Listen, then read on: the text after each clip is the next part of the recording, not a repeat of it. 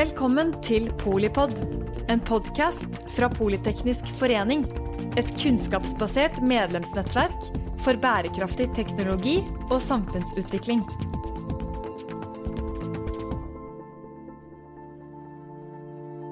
Hei, og velkommen til denne podkasten i regi av Politeknisk forening.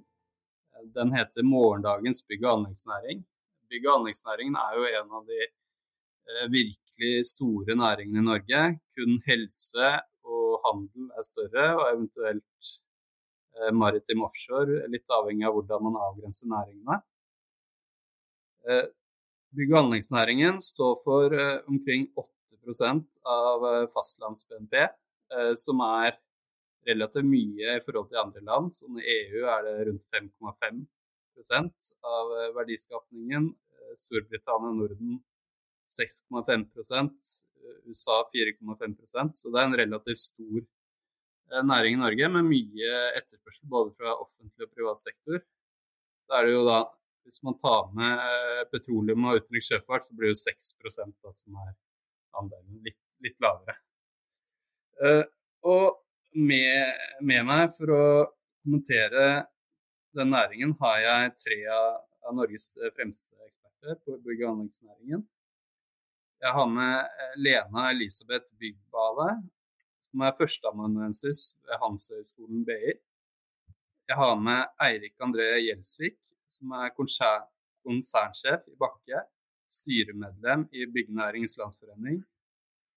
Så har jeg med Bjørn Andersen, som er professor eh, ved NTNU. Eh, selv så er mitt navn Rasmus Børg Holmen. Jeg er programleder, jeg er seniorforsker ved Transportøkonomisk institutt. Og representerer også Politeknisk forening sitt samfunnsøkonomiske nettverk. Eh, så, de, eh, så, da tenkte jeg at vi kunne begynne med å se litt på drivere til utviklingen i bygge- og anleggsnæringen.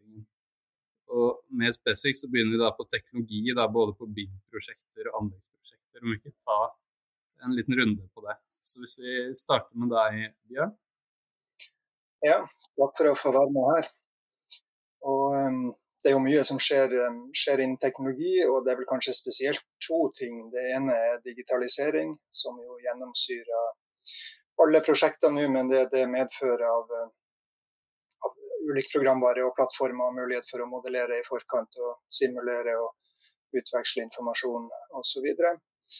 Og det andre er jo mer automatisering, altså av produksjon, den fysiske produksjonen. Der alt fra roboter som borer hull til 3D-printing av komponenter og automatisert montasje osv. Alt dette vil jo medføre endringer i bransjen. Riktig.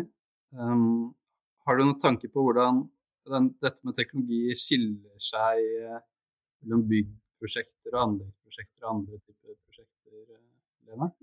Vi har jobba både med bygg og anlegg på det her og gjort studier. Eh, men akkurat på det med teknologi og digitaliseringa av byggenæringa, så er det først og fremst innenfor byggsida vi har sett. Og som Bjørn sier her, at det har jo skjedd voldsomt mye de siste årene. Både på automatisering, men også i forhold til det med planleggingssida. Både produksjon og også planlegging. Um, så det er klart at Spesielt på byggsida så, så, har vi sett at uh, det prøves ut mye ting. Og så er det igjen det som vi også har studert mye og som vi diskuterer med næringa sjøl. Hvordan får man oppskalert det her. For det testes ut mye av det. Jeg er sikker på Eirik kan skrive under på. Eh, ikke minst så gjør vi studier med bakkegruppen også. Eh, og, og, det er klart at det, det, prøves ut mye, men det er jo hvordan å få denne kontinuerlige utviklinga også på teknologisida, som igjen har konsekvenser for det vi skal også snakke om, eh, med produktivitet og, og bærekraft, ikke minst. Riktig. Ja, du Erik sitter jo virkelig på innsiden her.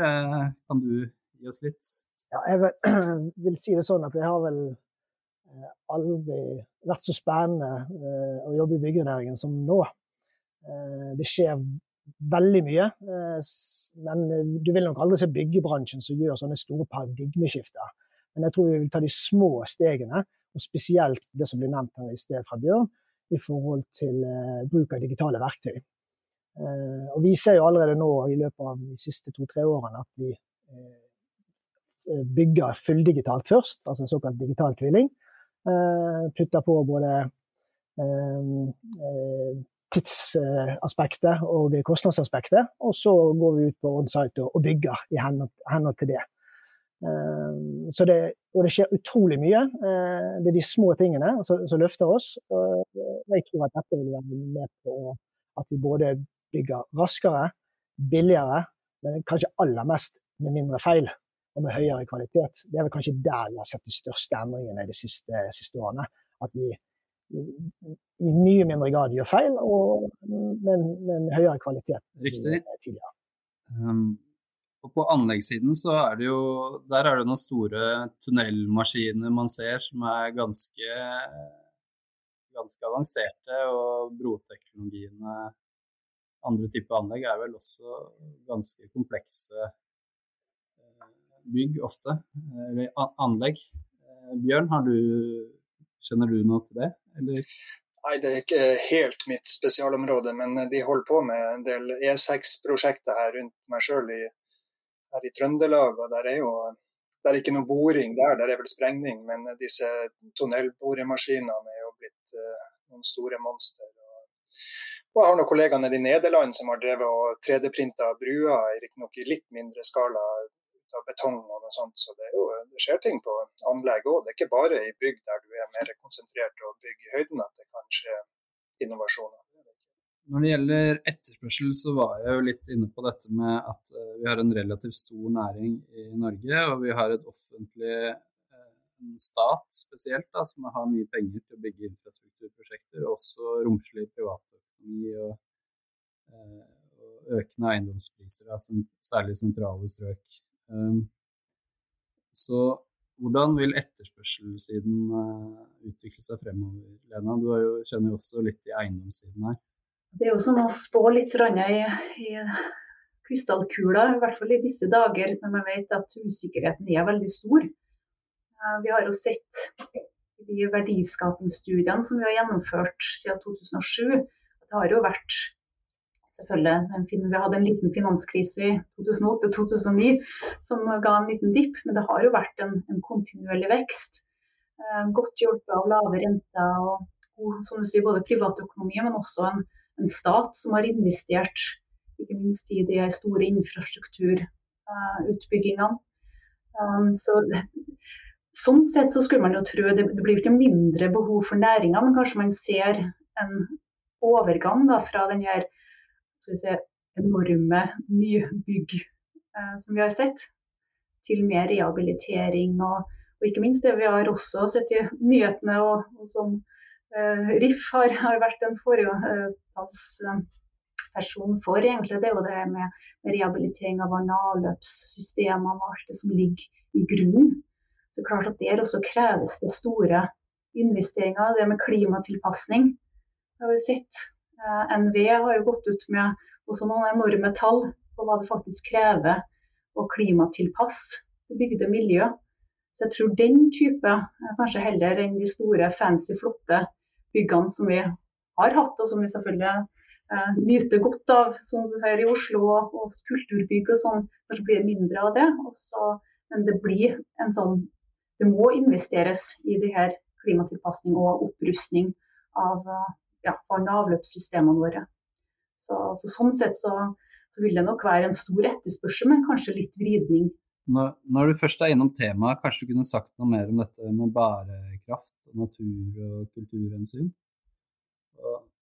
Om man finner i jorden og Ja, det har jo også kommet mer og mer. Hele det med uh, En ting er gjenbruk av, av bygg og, og rehabilitering og nå sist med nyhetene med hva gjør man med brevsentralen. og Skal man rive, eller skal man nå faktisk bruke det som å bygge videre på det? Men ikke minst det med ressurser generelt.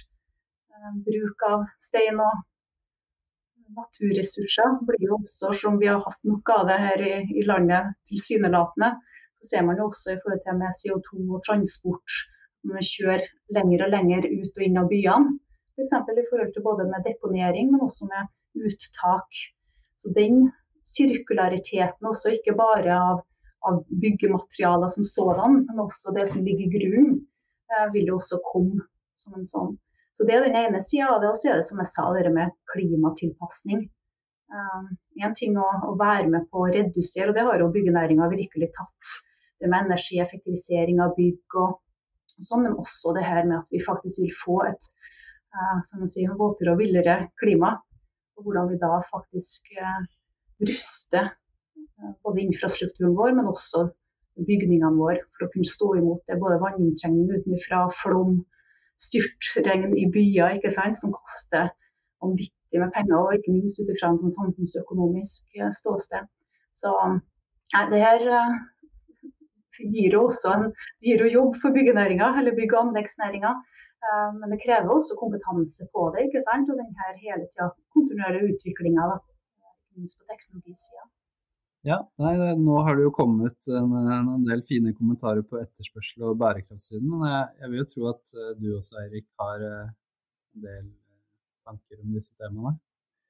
Ja, jeg kan kommentere litt på den private etterspørselssiden. Nå har vi vært igjennom en periode med et ekstremt lavt rentenivå. Ja, en halvering av rentenivået fra det vi var vant til for noen år tilbake. Og Det har jo gjort mye med etterspørselssiden. Eh, spesielt på bolig, og ikke minst hytte, hyttemarkedet. Det har vært en eksplosiv eh, prisvekst på hytter. Jeg tror det har økt med da var det 7,5% i 2021 og 5,5 året før. Eh, så, Norge er jo ekstremt rentedrevet på etterspørselssiden. Og så er spørsmålet hva, hva skjer fremover. Spådommen er jo at rentene skal opp, og det vil påvirke privat etterspørsel. Og så får vi se hva som skjer på befolkningsvekt, som også er en veldig viktig element på, på etterspørselssiden. Så jeg vil, som leder seg her, jeg tror det er vanskelig å spå fremover. Ikke minst med den situasjonen vi har i Ukraina, som vil påvirke mye innenfor mange områder. Så jeg skal innrømme at jeg er veldig spent på hva som skjer på etterspørselssiden fremover. Nei, men det er jo spennende, spennende å høre. Selv om det er vanskelig, alltid vanskelig å se inn i krystallkulen, så er det jo eh, dere antagelig bedre til å se lenger enn mange, mange av oss andre. Eh, så er det jo en annen dimensjon her, er jo dette med organisering. da, at eh, sånn Fragmenterte enheter versus eh, store enheter. Er det også noen bransjemessige forskjeller mellom bygg og anlegg, bl.a. Og litt om organisering av verdikjeden. Og innenfor anlegg så har vi jo dette med anbud og entrepriseformer sånt som er et element. Eh, så jeg vet ikke om eh, du kunne kommentere det også, Erik, når du først er i gang? Jeg kan kommentere litt på eh, om det skjer en strukturendring i, i bransjen. Vi, mange liker jo å si at det ikke skjer så mye i byggebransjen i forhold til strukturelle endringer, men det gjør det. Hvis du går tilbake igjen til 2000, da sto de 100 største bedriftene i byggenæringen for 32 av omsetningen. I dag har de passert 45% Så det er klart de store blir større eh, og tar en større del av markedet. Og Det har jo noe med kompleksiteten å gjøre innenfor helse, miljø og sikkerhet, kvalitet, digitalisering osv. Det er ikke så lett å være liten i byggenæringen lenger. Og Det tror jeg bare kommer til å fortsette. Eh, det er det ene elementet. Det andre er at vi vil, tror jeg, at vi vil få se enda større grad av spesialisering. Det har jo vi sett, og det tror jeg kommer til å fortsette. For det er vanskelig å være god på alt. Eh, det skaper en utfordring i forhold til det en fragmentert bransje som da skal eh, sy sammen. Så det tror jeg det er to viktige element. Og det siste du drar opp i forhold til entrepriseformer, så har jo det vært en trend om større entrepriser, mer komplekst, større aktører. Det tror jeg også kommer til å fortsette. Dog så kan det ikke bli for stort. Du har en diskusjon innenfor anleggssektoren om at det blir for store Eh, oppdrag som gjør at færre kan konkurrere, og det må jo da balanseres. Ja, Bjørn, eh, du har vel også noe her på drivere som konsulterer eh, med? Det er et par, par, tre ting som jeg syns er litt interessant. Det ene er du begynte jo litt med å sammenligne norsk næring med USA og Storbritannia. Vi har jo mye kjente personer vi samarbeider med både i USA og Storbritannia. Og spesielt i USA så blir de jo bestandig sjokkert når vi sier at det offentlige byggherrer, kunder, som ofte står for det første innovasjonspresset i, i Norge. Og, og, Det ser vi jo gang på gang, at det er en del store byggherrer som driver frem miljøomstillinger eller digitalisering eller andre ting. Og, og Det syns jeg er et fortrinn vi har i Norge som vi må passe på at vi, vi fortsetter, at de offentlige byggherrene har en, en oppmuntring og en rolle i det, det spillet. Ikke til forkleinelse for de private, selvfølgelig, men at det er en viktig rolle som skiller oss litt fra andre land. Også dette med fragmentering og kontrakter og sånt, det er jo det er jo noe som har skjedd mye på, som Eirik sier, men fortsatt er jo en sånn grunnlogikk at verdikjeden for et prosjekt settes litt opp på nytt hver gang du starter et nytt prosjekt. Det er hederlige unntak med langvarige allianser eller samarbeidsformer. og man begynner liksom der man slapp sist, men ofte så setter man opp verdikjeden helt eller delvis på nytt. Og Det gjør jo at den industrialiseringseffekten du får av å drive produksjonsapparat over lang tid, får du ikke, iallfall ikke fullt monn her. Og Vi har jo nylig eh, drevet og evaluert bruk av såkalte alliansekontrakter i olje- og gassbransjen, der man har en verdikjede som skal bestå. De skal bygge ut hvert nytt prosjekt som kommer opp og der vi helt tydelig demonstrerer effekter på kostnad, på innovasjon, på konfliktnivå osv. Så, så i den grad vi klarer å legge til rette for litt mindre laveste prisanbud med den logikken det medfører, og mer over i noe som kan tenke langsiktig og bli bedre sammen, så tror jeg det vil forbedre produktiviteten. Vekting av kvalitet og, og utviklende atferd ja, og erfaring av å jobbe sammen tidligere f.eks. Det er jo ofte noe man ikke vil, fordi da kan det bli nærmest noe sånn her eh, korrupsjonslogikk i det. Men det er jo ikke det som er snakk om. Det er jo at man har erfaring i å finne løsninger, ha verktøy som snakker sammen osv. Lena, nå, nå, er det lenge siden du har sluppet til her, så du får kunne si litt om organiseringen du også den forskjellen som går på bygg og anlegg når det gjelder de her totalentreprisene, og som eh, Eirik vet alt om i byggsida av næringa, så har man jo holdt på med totalentrepriser lenge. Og, og, hensikten er jo nettopp det å kunne få eh, entreprenørkompetansen tidlig inn, sånn at man uh, øker byggbarheten. Uh, og Samme utvikling har vi jo sett det siste nå innenfor anleggssida også ikke minst med Statens vegvesen, som også har gått mer og mer over til totalentrepriser. Den andre sida ved det, som også dere var inne på litt tidligere, det er at jo større prosjektene blir, det større blir jo også risikoen. Og da er spørsmålet er de norske entreprenørene, selv om de også samarbeider med, med, andre, har de rett og slett de finansielle musklene til å ta den risikoen når prosjektene begynner å bli tre, fire, fem milliarder.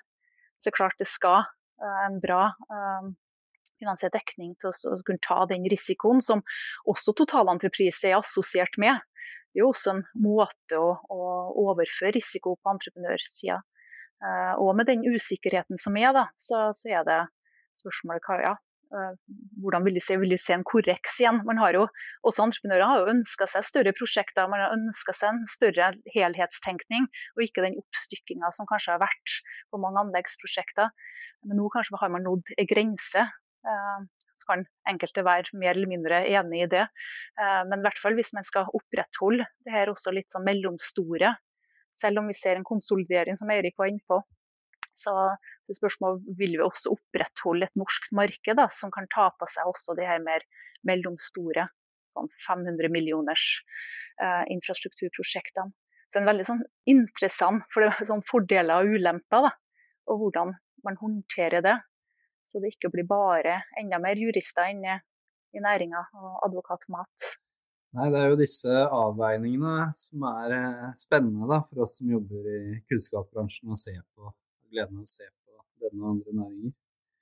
Um, jeg tenker jo det, Du var jo inne på litt dette med ressursinnsats her, og det er jo på en måte neste punkt her. Og der har vi jo uh, bl.a. dette med arbeidskraft. Da. Arbeidskraft så er det jo en uh, kompetansedimensjon. Uh, du har dette med arbeidsinnvandring, innleieregler. Strengere innleieregler er jo noe som er i vinden nå som eh, da vil kanskje gi mindre fleksibilitet, vil noen si, mens andre legger vekt på arbeidernes eh, rettigheter der. Og så er det jo noe med krav til arbeidere og, og, og sertifikater for ulike typer spesialisert arbeid, da, som kanskje kan gjøre arbeidsstokken mer seriøs, men kanskje også kan bygge en barriere for folk som kommer utenfra osv. Så arbeidskraft er en nøkkel her, som i alle næringer.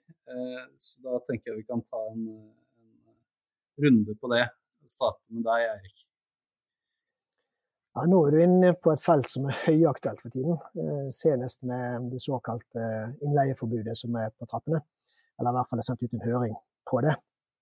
Eh, byggenæringen vokser, har behov for kompetanse, ikke minst eh, i forhold til fagarbeidere. Det, mye av dette har vi dekket gjennom utenlandsk arbeidskraft de siste, siden de åpnet grensene fra, fra EU. Eh, og det har vært en helt nødvendighet hvis vi skulle klare å bygge det vi har bygget. Jeg mener det er ca. 70 000 arbeidere som kommer fra utlandet. Um, og så har vi vært gjennom en periode med pandemi, hvor mange av disse har blitt utestengt fra arbeidsmarkedet i Norge som følge av de restriksjonene vi har hatt. Kombinerer vi det eh, med at de er lei av å være i Norge, begynner å tjene mer penger hjemme, ønsker seg hjem igjen, Eh, at de reiser hjem igjen og ikke vil eh, komme til Norge. Kombinerer vi det med, med at det blir også strengere regler rundt håndtering av bemanningen, så tror jeg vi vil se større utfordringer for vår næring til å få bygget det vi skal bygge. Og Det vil igjen da være kostnadsdrivende, forsinkelser etc. etc. Så jeg er jo helt for at vi skal ha en seriøs byggenæring. Og vi, skal, og vi har kriminelle elementer i byggenæringen. Vi har for høy innleieandel hos noen aktører. Men det å stemple en hel næring som, som useriøs, mer eller mindre, uh, og, og, og, bruke samme medisin for alle ved å innføre et innleieforbud som det er snakk om i, i Oslo og Akershus, mener jeg er feil medisin den kriminelle delen av, av, av bygge, byggenæringen den må tas, og det må gjøres med kontroller og oppfølging. Eh, og jeg tror ikke et innleieforbud som vil være svaret på de utfordringene. Så, eh, og det, det, tror jeg dreier seg litt om en manglende forståelse for bygg, hva byggenæringen er. Vi er en prosjektbasert næring. Vi har store svingninger i, i vår, eh, vår, vårt aktivitetsnivå. Vi får uforutsigbare utsettelser. Og Det gjør at uh, vi må ha en fleksibilitet på, på, bemanningen vår. Og så må vi ha en grunnbemanning som er uh, naturlig, altså finner sitt naturlige nivå. Og så må man eh, ta topper med, med, med, innleie eller andre former. og Det opplever jeg at det mangler forståelse fra politikere at det er slik byggenæringen er. og at de da velger å gjøre de grepene som de nå er i ferd med. Hvis du vil eh, kort oppsummere din motparts argumenter, da, hva tenker du de er? De mener jo at eh, fast ansettelse skal være hovednormen. Og det er vi 100 enig i. Eh, det vi bare ber om, er at vi trenger en viss fleksibilitet. Og som jeg sa i sted, det er klart det er elementer i byggenæringen som er useriøse. Det er kriminelle aktører. Eh, man må få ned innleieandelen, eh, fordi eh, flere bør bli fast ansatte. Det er vi helt enige om, men jeg tror ikke at veien å gå er et forbud. Det er ikke alltid at forbud er det smarteste man gjør. Eh, og heller få en bedre dialog i, i trepartssamarbeidet, som vi har hatt gode tradisjoner for i, i Norge, mellom eh, LO, eh, NHO-systemet og, og regjeringen. Da gir jeg ordet til deg, Bjørn. Ja, jeg må jo bare si meg enig med Eirik. Dette er en næring i likhet med mange andre som har uh, svingninger i etterspørsel og aktivitet, enten det er sesongbasert eller det er avhengig av prosjekter og oppstart og avslutning. Så jeg tror selv om normen sikkert kunne vært fast ansettelse for alle og, og 100 stabilt, så er det rett og slett ikke realistisk. og det så man må finne en god balanse der man ikke får verken eh, sosial dumping eller dårlige arbeidsforhold eller kriminalitet, men samtidig opprettholde en fleksibilitet som gjør at det er mulig å, å drive den typen produksjon med, med svingninger i aktivitet. Gjerne. Ja, og tenker at Man ønsker seg heller ikke sånn som man sitter kanskje i mange i UK, og, og der man har de her hule bedrifter som bare driver contract management og kjøper inn. Og vi har jo hatt en tradisjon for at entreprenørselskapene, de fleste, i hvert fall det er noen unntak, men har en god, solid med egen produksjon og egne ansatte på, på enten det er betong eller tømmer og, og sånn også, som de sier, så har man denne basisen som er grunnlaget da, for å drive organisasjonsutvikling. Igjen, ikke sant? Dette henger jo sammen med det andre vi har snakka om. Hvordan kan næringa både øke produktivitet, innovasjonsgrad, bli mer seriøs. Rett og slett ja, organisasjon og næringsutvikling. Det er klart det gjør man jo gjennom også å utvikle egne arbeidere. Men igjen, vi er akkurat det samme i akademia. Vi skulle gjerne ønske oss litt mer midler. At det godt an å ta toppene når vi får prosjekter. ikke sant? Det er noe med denne prosjektbaserte eh, organiseringa som gjør at av og til så trenger man, av og til vinner man de her prosjektene, av og til gjør man det ikke. Eh, og Det er litt det samme også i næringa. Jeg vet ikke Eirik, hvor mange prosjekter dere vinner av dem dere byr på, men, men igjen, det er jo jeg vil tro at det er i hvert fall mindre enn dem dere byr på. og Da må man jo nødvendigvis ikke bare å, å raskt um, eller å beholde en base med, med, egne ansatte og de kostnadene det er assosiert med igjen, hvis man vinner én av ti tilbud. Da. Så da kan man si at jo, man kan sende dem på kurs på BI i mellomtida, men uh, kan vel ikke satse på det heller. eller NTNU.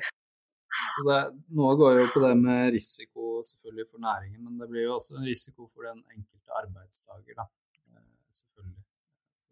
Hvem som tar kostnaden. Men i innleieselskap kan jo også leie, inn, leie ut til flere forskjellige, så det er jo noe fleksibilitet der. Eh, men eh, jeg syns vi fikk en fin runde på det. Det er jo også annen produktinnsats her da, som er, som er verdt å komme inn på. Altså, det er jo ordinært vare- og tjenesteforbruk. Eh, dette med frakt er jo påvirket av dagens eh, sikkerhetssituasjon, økonomiske situasjon i verden. Eh, korona avløst av denne Ukraina-krisen, og der har du energipriser òg. Så er det jo andre elementer her. er jo Finansiering, tilgang til såkalt arbeidende kapital og tilgang til tomter og naturressurser. Så her er det mye å ta i. Så vi tar en, en runde på det òg. Begynn med deg, Bjørn. Ja, Noe av det her er jo økonomers fagfelt. Men det er klart alt dette som har med, med, logistikk, med energipriser og med tilgang på råvarer, de har jo også skutt i været prisene på de siste par årene. gjør jo at både tilgangen og kostnadene for denne næringa har økt betydelig. Og det er vel ingen som kan spå hva som skjer nå med verken energipriser eller logistikk eller frakt fremover de neste måneder eller år. Så jeg tror nok man må være forberedt på at det blir krevende tider både kostnadsmessig og planleggingsmessig når det gjelder ressurser. Ja, det er jeg veldig enig i. Eh, hvis vi ser på det siste året, så har vi hatt en eh, byggekostnadsvekst i form av SSB sin byggekostnadsindeks som har vært på 12,5% så de siste to årene er det på 16% Det er formidabelt. Eh, og så ser vi da på råvarepriser at det ikke går ned. Om det er metaller eller energi, ikke minst, det går andre veien. Eh, så, så eh, det er ingenting som tyder på at kostnadene skal ned igjen. Og det kommer til å bli en stor, er en stor utfordring, kommer til å bli en stor utfordring fremover. Og vi ser jo også at det er enkelte komponenter vi ikke får tak i lenger. Eh, om å velge substitutter og andre ting. Så eh, ja, det, det der kommer til å bli krevende fremover. Eh, det kommer til å bli dyrere. og Så spørsmålet når du når taket, da, som gjør at man ikke har råd til å gjennomføre de prosjektene man ønsker. Det er jo en, en av de mest ressursintensive næringene vi har. ikke sant? Det kommer jo stadig fram i de her tallene, og som også brukes da, som argumentasjon for den sirkulære økonomien, og hvorfor bygg- og anleggsnæringa trekkes fram som en av nøkkelnæringene i så måte. Eh, nettopp for at man konsumerer mye av ressursene, og de ressursene blir dyrere og dyrere og mer og mer mangel på. Så, så da, klart, må man tenke nytt, enten det er som Eirik sa, det med substitutter, at det også trigger innovasjon. tenke nye måter å tenke forsyningskjede, logikk eh, på. Um, det med innkjøp. Så, så det, det, drar jo med seg, det er jo en viktig driver. Nettopp denne erkjennelsen. Det er jo ikke bare det at man bare øker og øker priser, men det er også en driver til å, å tenke innovasjon. Men, men, det er klart, igjen, det, det prega veldig mange, også globale hendelser. Det ser vi jo med frakt og, og den globale forsyningskjeden, som også selv et sånn lokal næring som norsk byggenæring er jo en del av den store verden. Enten det er stålpriser som skal, eller det er tømmerpris på, på tømmer og, og containermangel. Så, så helt klart det er hvordan man skal organisere Man kan ikke organisere seg ut av det, mest sannsynlig, men man må finne en måte å håndtere det på. da. Og Det er jo da vi tenker dette med hele denne supply chain-tankegangen og risiko i forsyningskjeden kanskje vil bli enda viktigere eh, enn det har vært. Risiko jo, har bestandig vært en del av byggenæringa og byggeprosjekter, men også tenk forsyningskjeden inn det her, og denne her mer permanente kjedene som feeder inn til prosjektene, blir jo minst like viktig. Riktig. Og dette kommer, spiller også inn i vårt neste tema, da, eh, som er bygg- eh, bygge- og anleggsnæringens produktivitetsutvikling. For det er jo dette med innsatsfaktorer og utviklinger der mye å si. Og dette er jo et tema som er vel studert på ulike nivåer i bygge- og anleggsnæringen. Fra makro- makro næringsstudier til kvalitative prestasjonsmålinger og mer sånne frontproduktivitetsstudier, kvantitative studier på mikronivå. Eh, eh, og Det som er spesielt med denne næringen, er at det tilsynelatende har vært et produktivitetsfall eh, i tvers av vestlige land. Som fra siden år 2000 så har jo da fallet vært på 1-1,5% avhengig av hvordan du måler produktivitet årlig.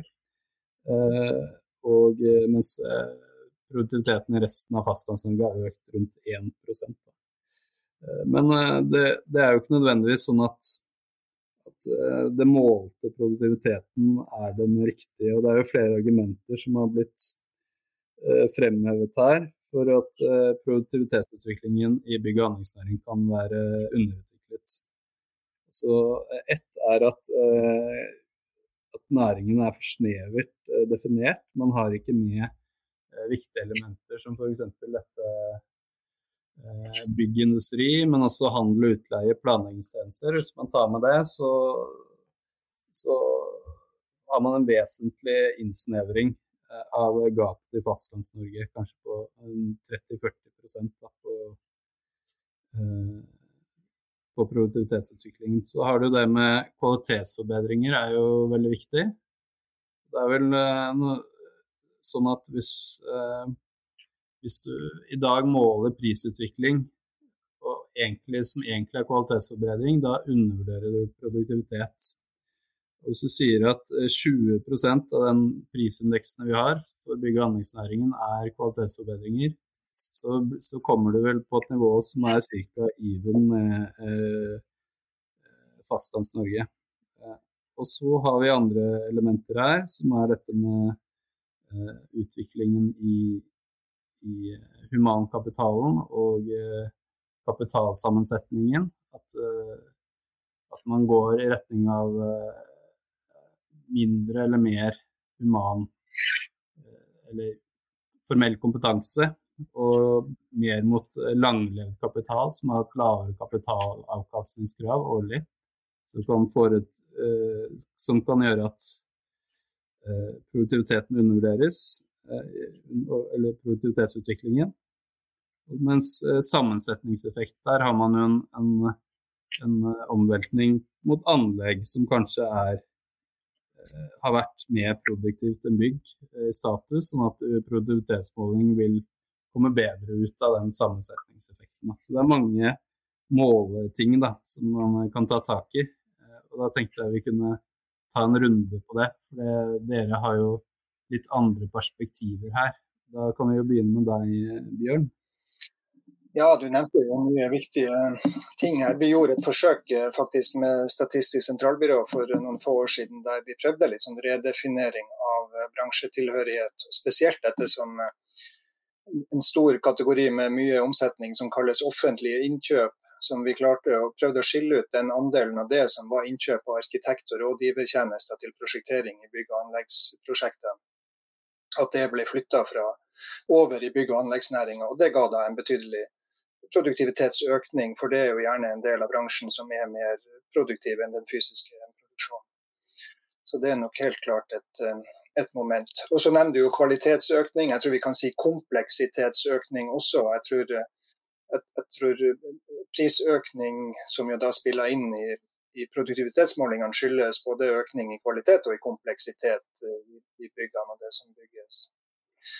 Men så noe jeg er spesielt opptatt av, det er jo at det er en sammenheng mellom måling på prosess, altså utførelsesprosessene i prosjektene, og, og, og, derfra aggregeres det jo opp til bransjenivået. Og vi, eh, både vi og, og, BI er involvert i et par sånne måleverktøy for å måle samhandling og, og prestasjon og kvalitet og teamprosesser og sånt nede på prosjektnivået som vi ser at bransjen er for dårlig til. Og de som begynner å måle det, blir bevisst på det, de klarer å forbedre den.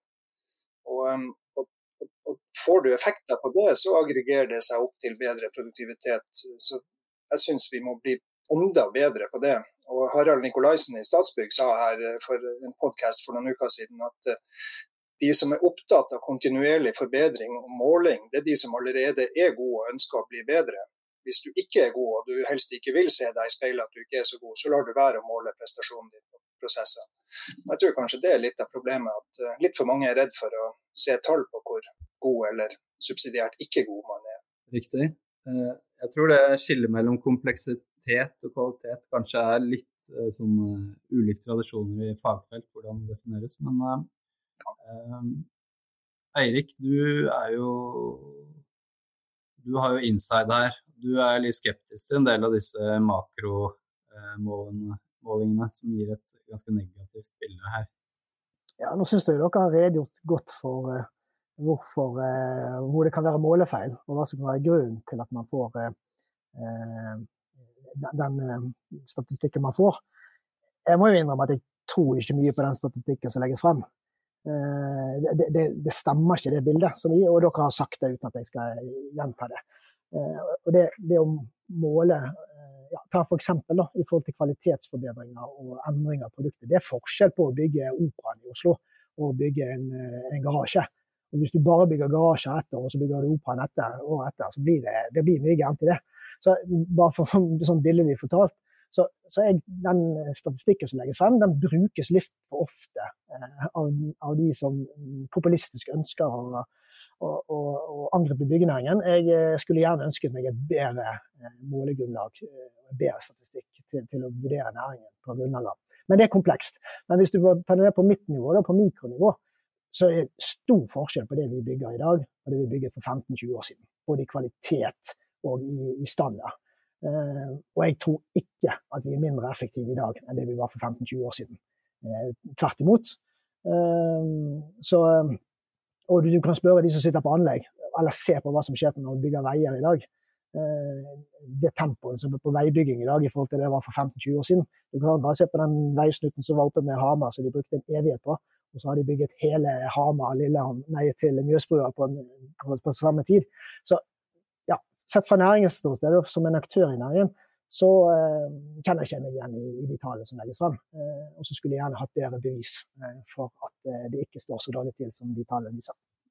Ja, Nei, det, det er nok et Dette med målpoeng er jo viktig, så klart. Og det er mye grunn til at man undervurderer. Men det er jo noen mikrostudier da, som også viser et sånt negativt bilde. Og det kan jo også være sårbart mot neglisjering av kvalitetsmålinger. Blant annet vi på Tøye Frisch har jo en sånn studie hvor vi ser på veianlegg, og vi finner ikke en særlig produktivitetsutvikling, snarere negativ utvikling der også, selv om det ikke er så dystert som disse makrotallene. Det er jo, det er jo noe der, men eh, det kan jo være noen eh, grunner som er reelle også, som vi kan komme tilbake til. Men eh, Lena, du må jo også kunne si noe om eh, dette målefeil.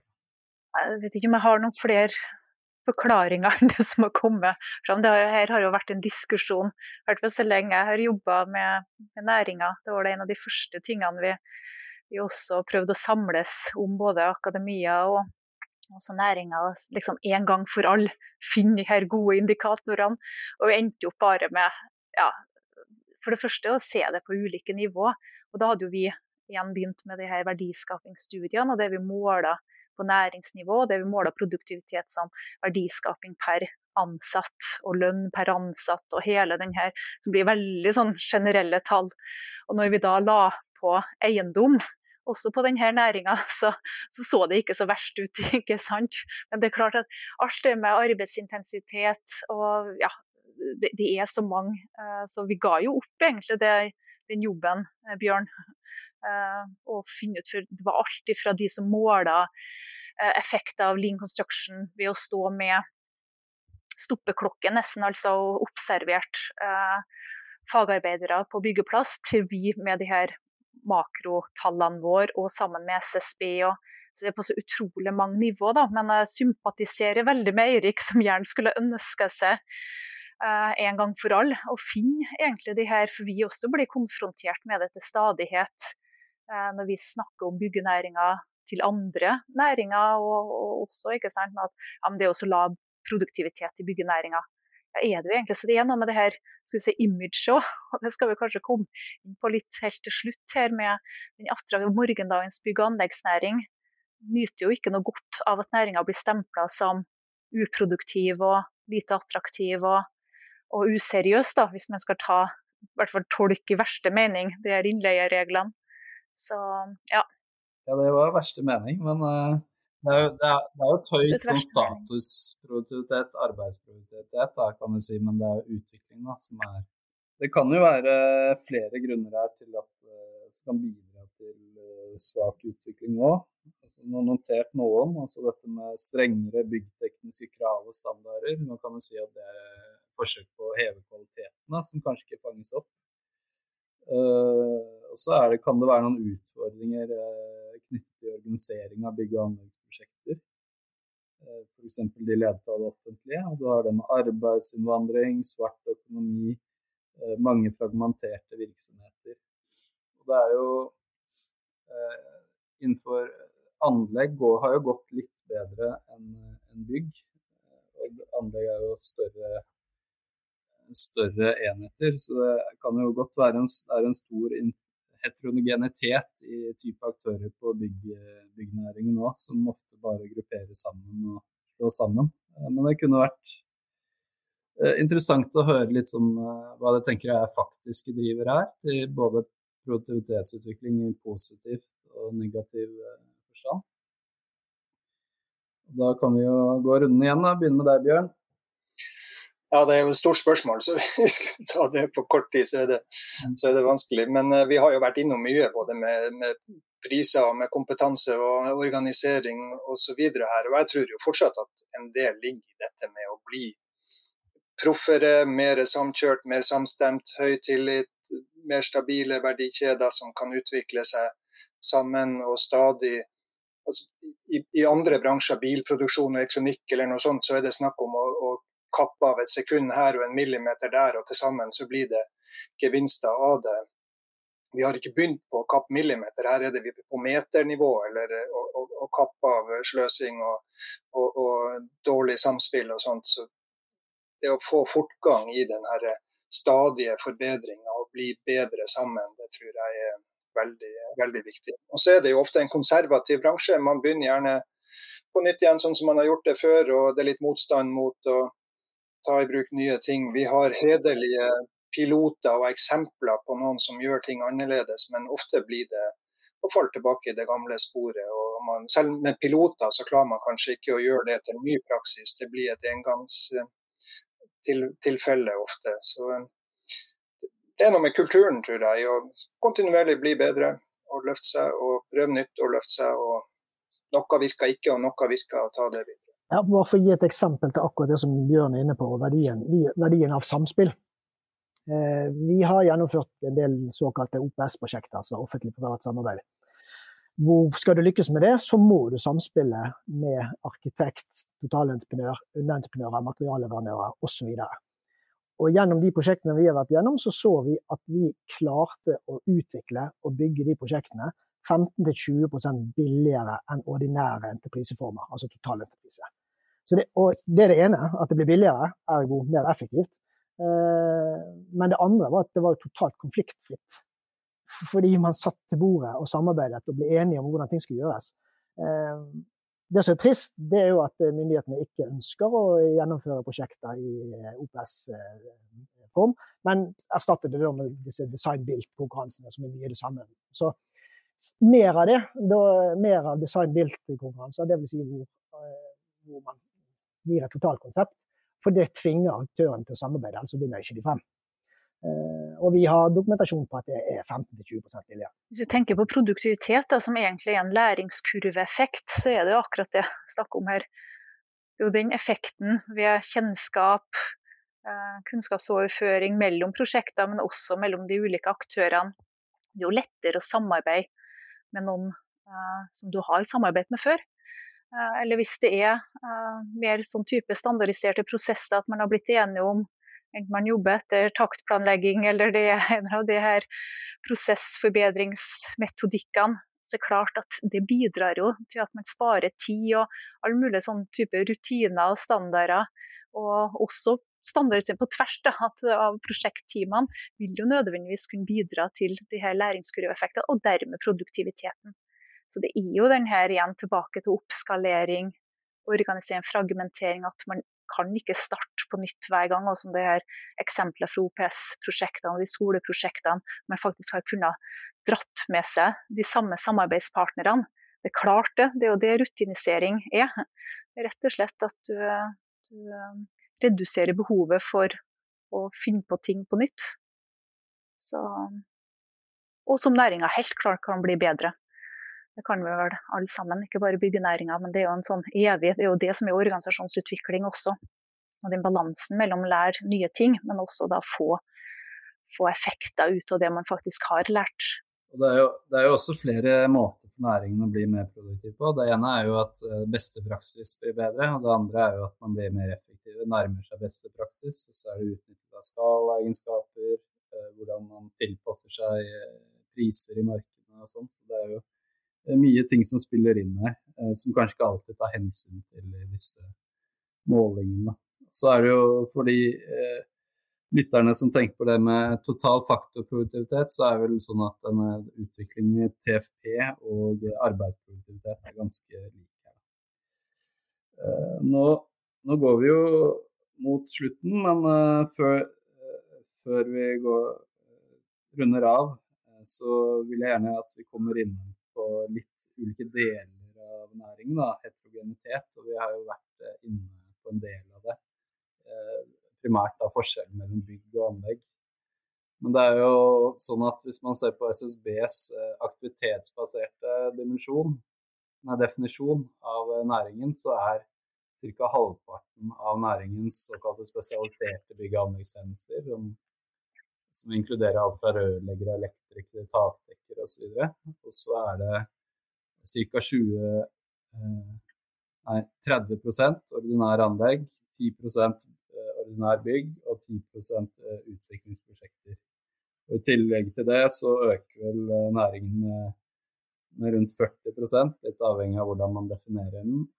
hvis man tar med disse bransjene som ligger utenfor, da, det er byggindustri, men også handel og utleie og planleggingstjenester, som arkitekttjenester og ingeniørtjenester osv. Uh, så det, det, å kunne grave litt mer inn i det som går på bransjer eh, her, hadde vært interessant. Så vi kan begynne med deg der, Lena. Litt usikker på hva egentlig spørsmålet var, men uh, tenker du på utviklinga? Nå, nå har vi vært inne på veldig mange interessante sider av bygg- og anleggsnæringen. Men så er det jo litt forskjeller mellom de ulike bransjene. Så har vi noen bransjer på mm. utsiden her som også er interessante.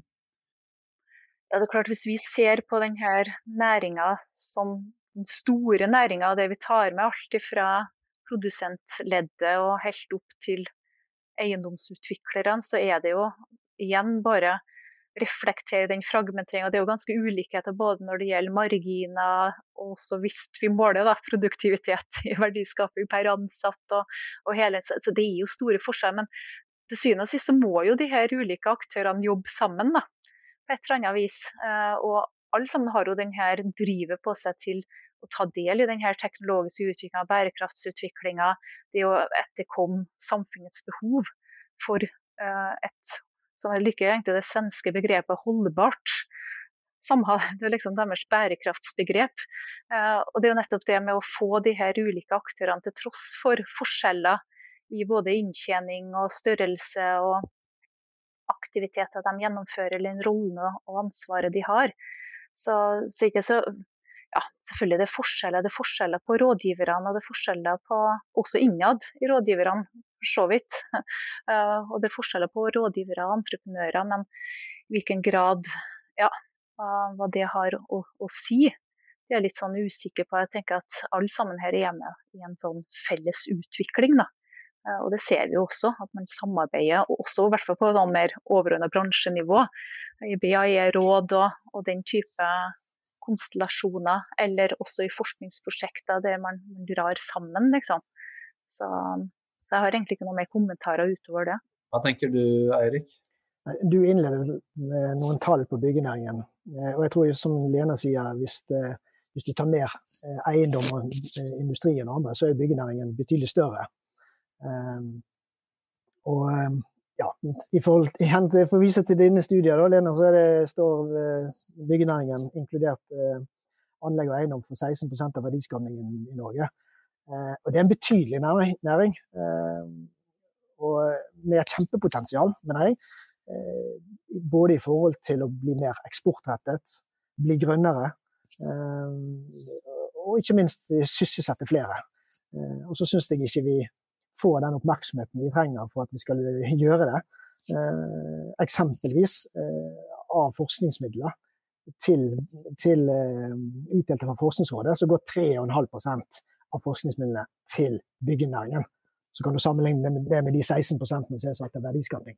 Så, så, så, er det altfor lite fokus, altfor lite diskusjon rundt hva byggenæringen kan bidra med.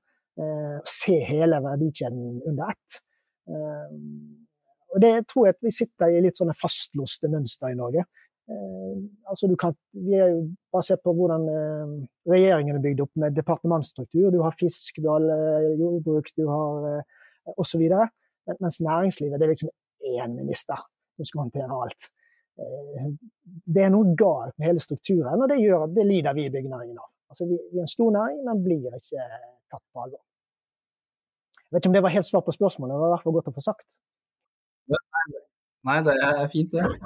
16 eh, da må ha med eiendom og litt sånn materialindustri og sånn, så kommer det kanskje Men, eh, men eh, ja, Bjørn, ta en kommentar på bransjer du også.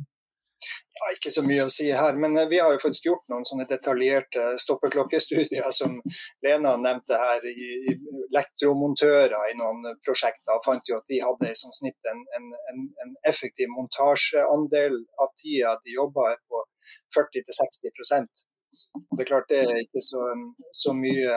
Så kan man tenke seg at jo mer spesialisert man er, jo mer produktiv kunne man kanskje ha vært.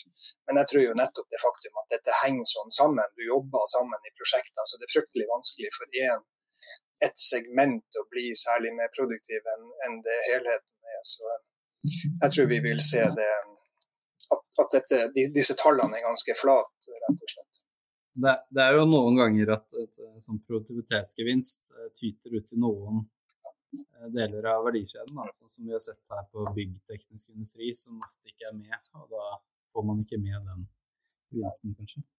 Og de som leverer byggevarer, er jo kanskje de som eh, har størst mulighet for å øke sin produktivitet. De lever litt uavhengig av produksjonen på byggeplass, og, og de kan i større grad industrialisere. Så der er det nok lettere å få ut gevinster.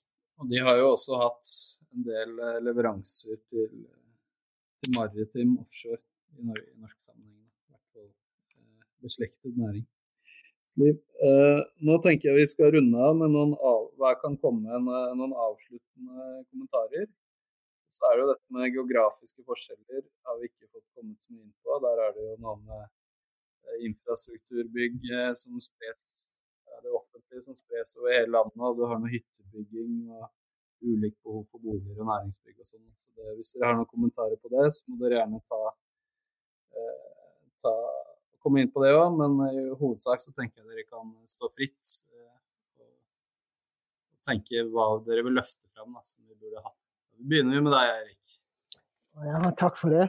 Nå, nå var jeg jo litt inne på det i sted. Jeg, eh, jeg syns det er en fantastisk næring å jobbe i. Det har aldri vært mer spennende enn det er nå i forhold til det vi har snakket om. Men som jeg sa, jeg syns vi får litt for lite oppmerksomhet, vi får litt for lite støtte. og Vi blir ikke tatt på alvor. Når vi er Norges største fastlandsnæring, som vi liker å si, så får vi eksempelvis blir vi avspist med to setninger i regjeringsplattformen, Hurdalsplattformen. Og da skal vi bygge billigere og grønnere. Det er ikke det byggenæringen fortjener i forhold til de mulighetene som ligger her. Jeg tror byggenæringen kan løse Vi står for 16% av eh, utslippene i Norge, klimagassutslippene. Vi kan gjøre en kjempejobb med å få redusert det. Det kan også bli en eksportartikkel. Det å bygge bygg og anlegg med mindre eh, klimagassutslipp. Eh, og det igjen vil jo gjøre at du krever mer forskning og utvikling, og der har vi en vei å gå.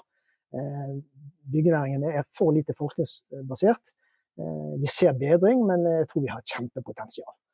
Og da må vi dra med oss hele verdikjeden eh, og se alt under ett. Og det, der har vi store muligheter i dag når, eh, når, man skal bli grønnere og mer sirkulære. Så får man også tatt det inn i, i den betraktningen. Så, så, min appell eller håp for fremtiden er at eh, vi får en regjering og et politiker som i større grad verdsetter det byggenæringen gjør, ser mulighetene i næringen eh, og kan være med på å gjøre oss bedre og ikke jobbe mer mot. Ikke jobbe mot, som vi opplever i mange sammenhenger når man snakker om storrengjøring i norsk, norsk, arbeidsliv. Det er ikke spesielt hyggelig å være næringslivsleder når man hører at man skal ha en storrengjøring i norsk arbeidsliv. Så ja, det er vel eh, det jeg håper på for fremtiden. At vi får mer eh, plass, og at vi klarer å utvikle oss eh, mer enn det vi har gjort. Det er en fin appell. Da tar vi deg, Bjørn. Ja, må bare henge meg på det, det Erik sier. Vi har jo eh, lenge slitt med at byggenæringa får altfor lite forskningsmidler. og I fjor i mai så hadde Forskningsrådet prøve, en prøveutlysning på mer såkalte prosessorienterte forskningsprosjekter. Fikk 24 søknader, og de klarte å finansiere fire av, av de bare. og Det er ingen løfter om at det skal uh, følges opp med ny, ny utlysning. Det, og, og, mye av de begrensede midlene som har vært til forskning, har gått på mer teknisk forskning. altså Prisverdig, ja, men mer altså, enten betong eller materialer eller andre ting. Så det som faktisk gir bedre samspill og bedre produktivitet her, er det forsvinnende lite forskning til.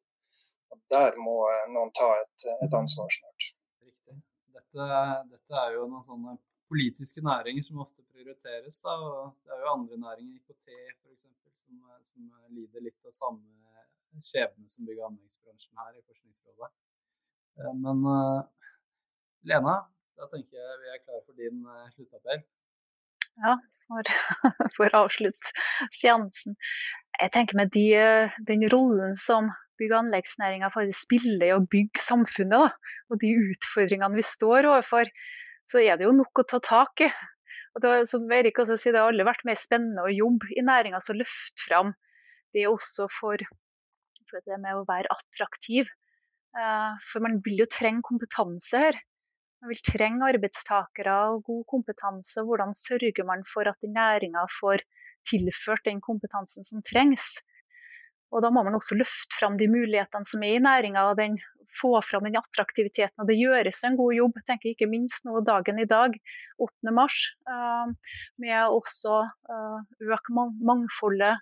Det er vel opp så siste nå var det 10% av andelen som søker seg til fagutdanningene på bygg og anlegg, er eh, kvinner. Eller jenter, da, er det vel mer eh, naturlig å si.